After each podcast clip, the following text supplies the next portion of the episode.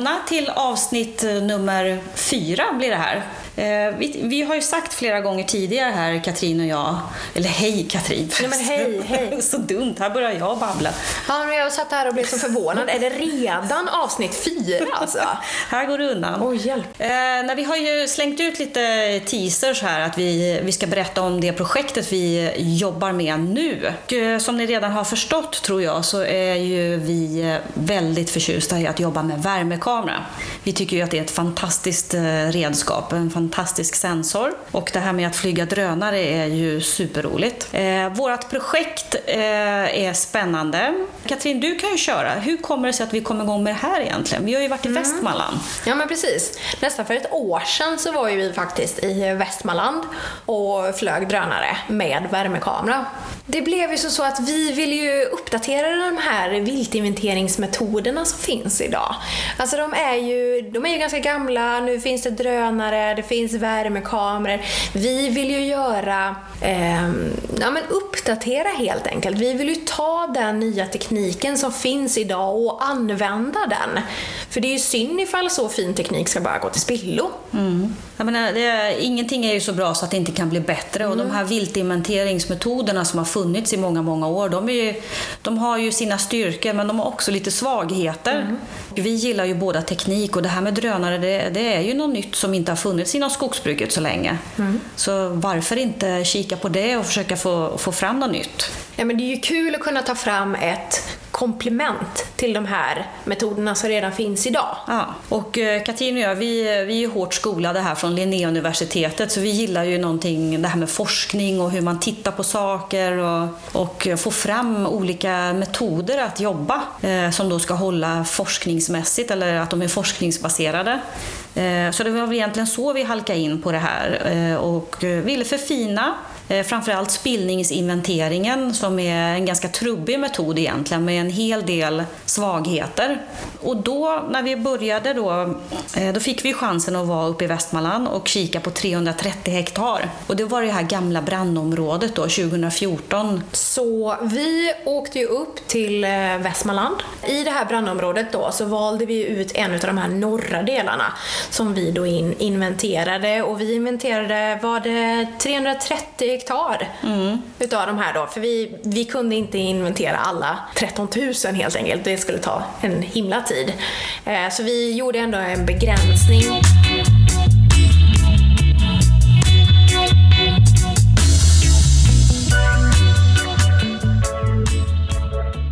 Vi funderar ju jättemycket på hur vi skulle ta det här till fas 2. Och då var vi tvungna att ha någon samarbetspartner här. Det här är ju dyra grejer. Dyr drönare, dyr utrustning. Eh, en jäkla massa tid visste vi att det skulle gå åt för att förfina metoden. Mm. Och eh, vi tittade runt, googlade runt järnet överallt och letade efter sponsorer, eh, fonder, stiftelser. Eh, var, var, kan man söka pengar för att liksom kunna driva projektet vidare till fas 2? Precis. Och då hittade vi? Ja, vi hittade ju Södra. Hittade vi. Och de var väldigt intresserade av det här.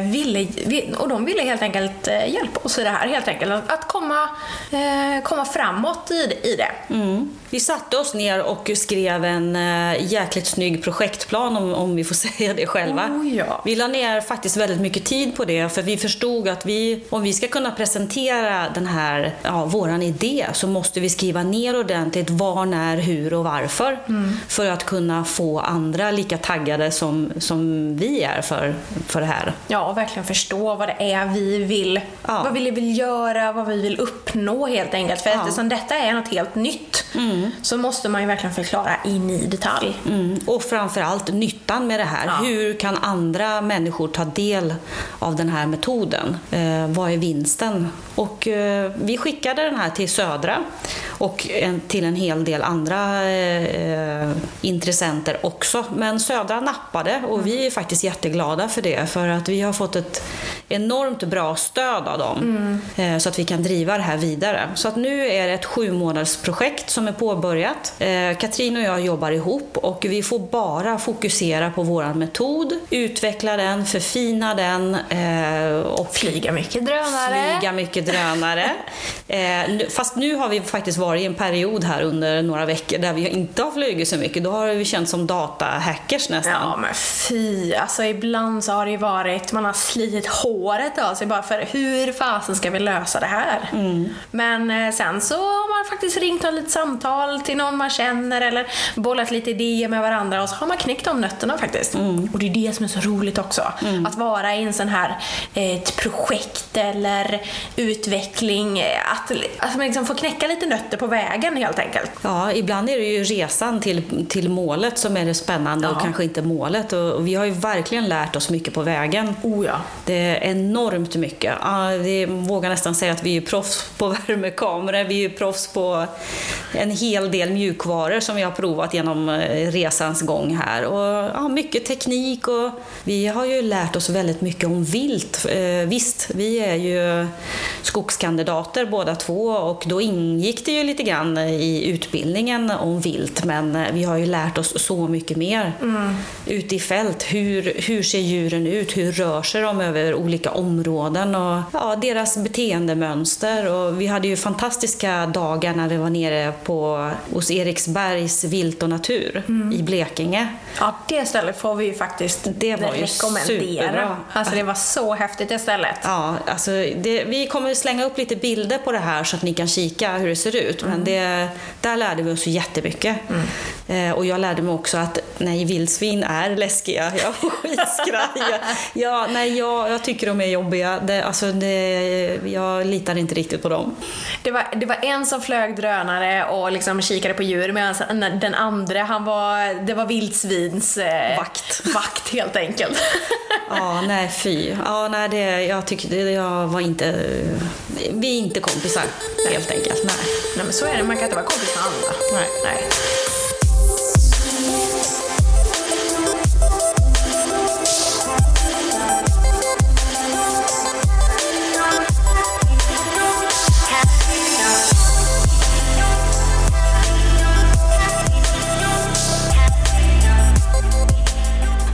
Har gjort det här innan på det, på det sättet som vi har lagt fram det.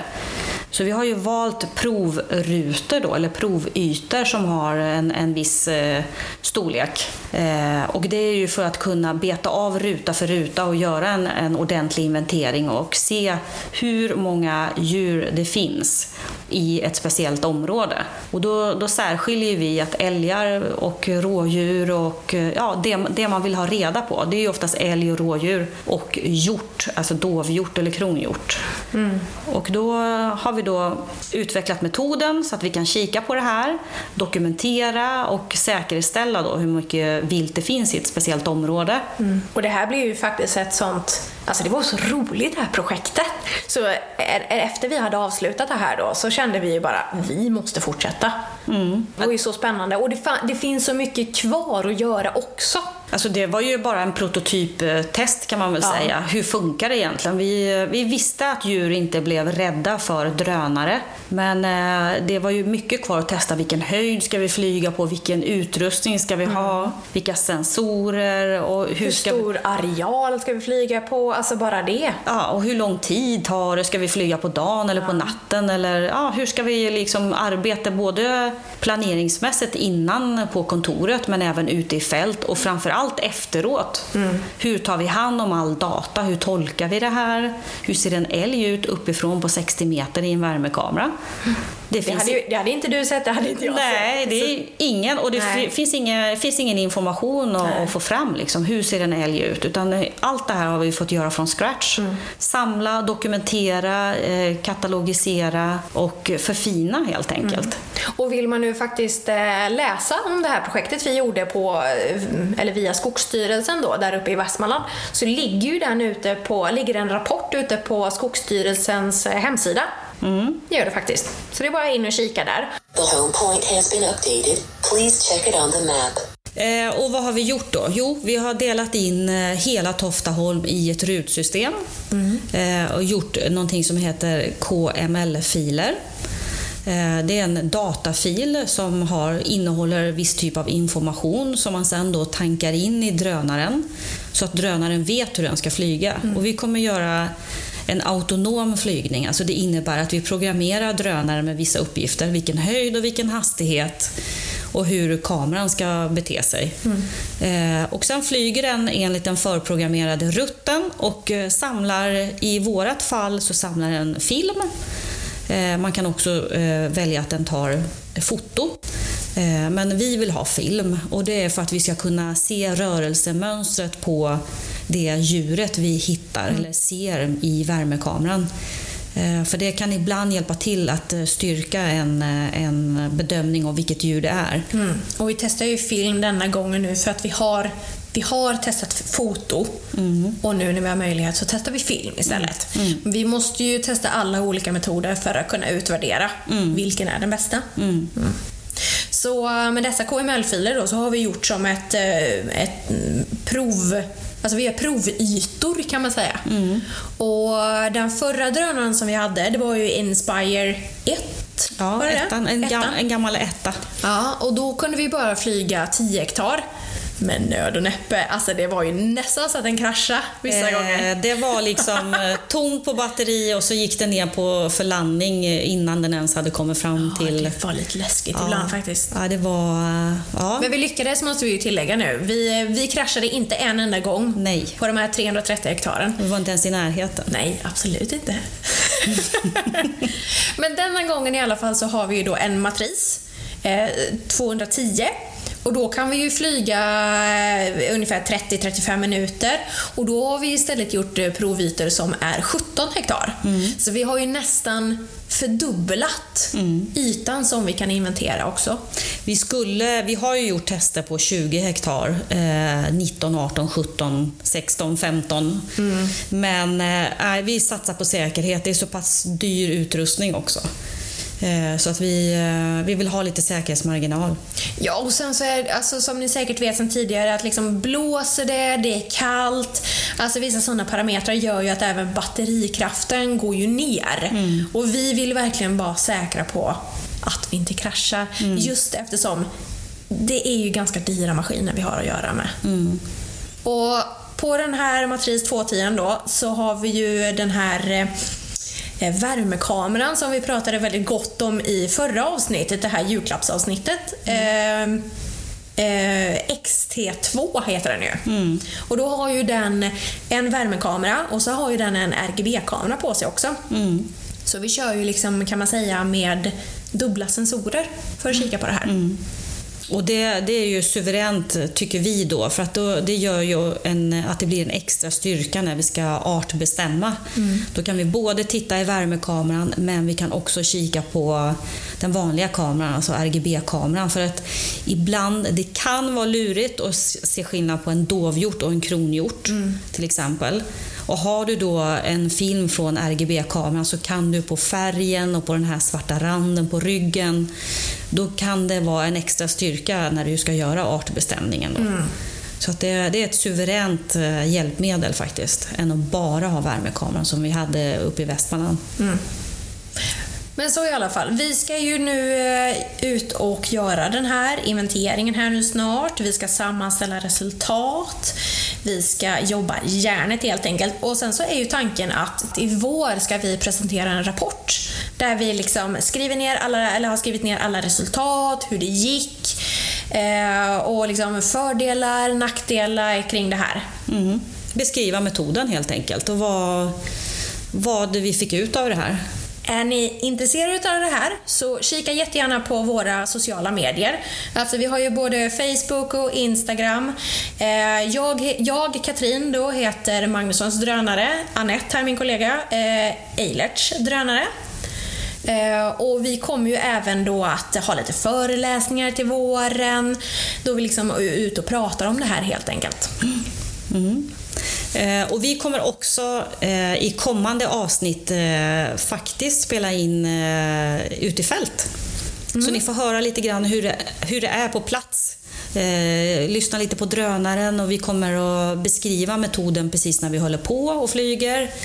Eh, ja. Nästan som ett litet live-reportage helt enkelt. Ja, det kan man säga. Även fast det är en podd så blir det lite live. Men, eh, så att ni får lite känslan om hur det är ute i fält när vi ja. jobbar. Ja, så det, det kommer att komma framöver, men då får ni vänta några dagar innan vi har hunnit med det. Ja. Nej, men håll utkik på sociala medier, så, för det är ju där vi lägger upp. Så fort det kommer ett nytt poddavsnitt eller vi, vi har några nya värmekamerabilder eller någonting sånt. Men eh, ja, vi rundar av. Tack för att ni lyssnade. Tack så mycket. Hej då! Hej då!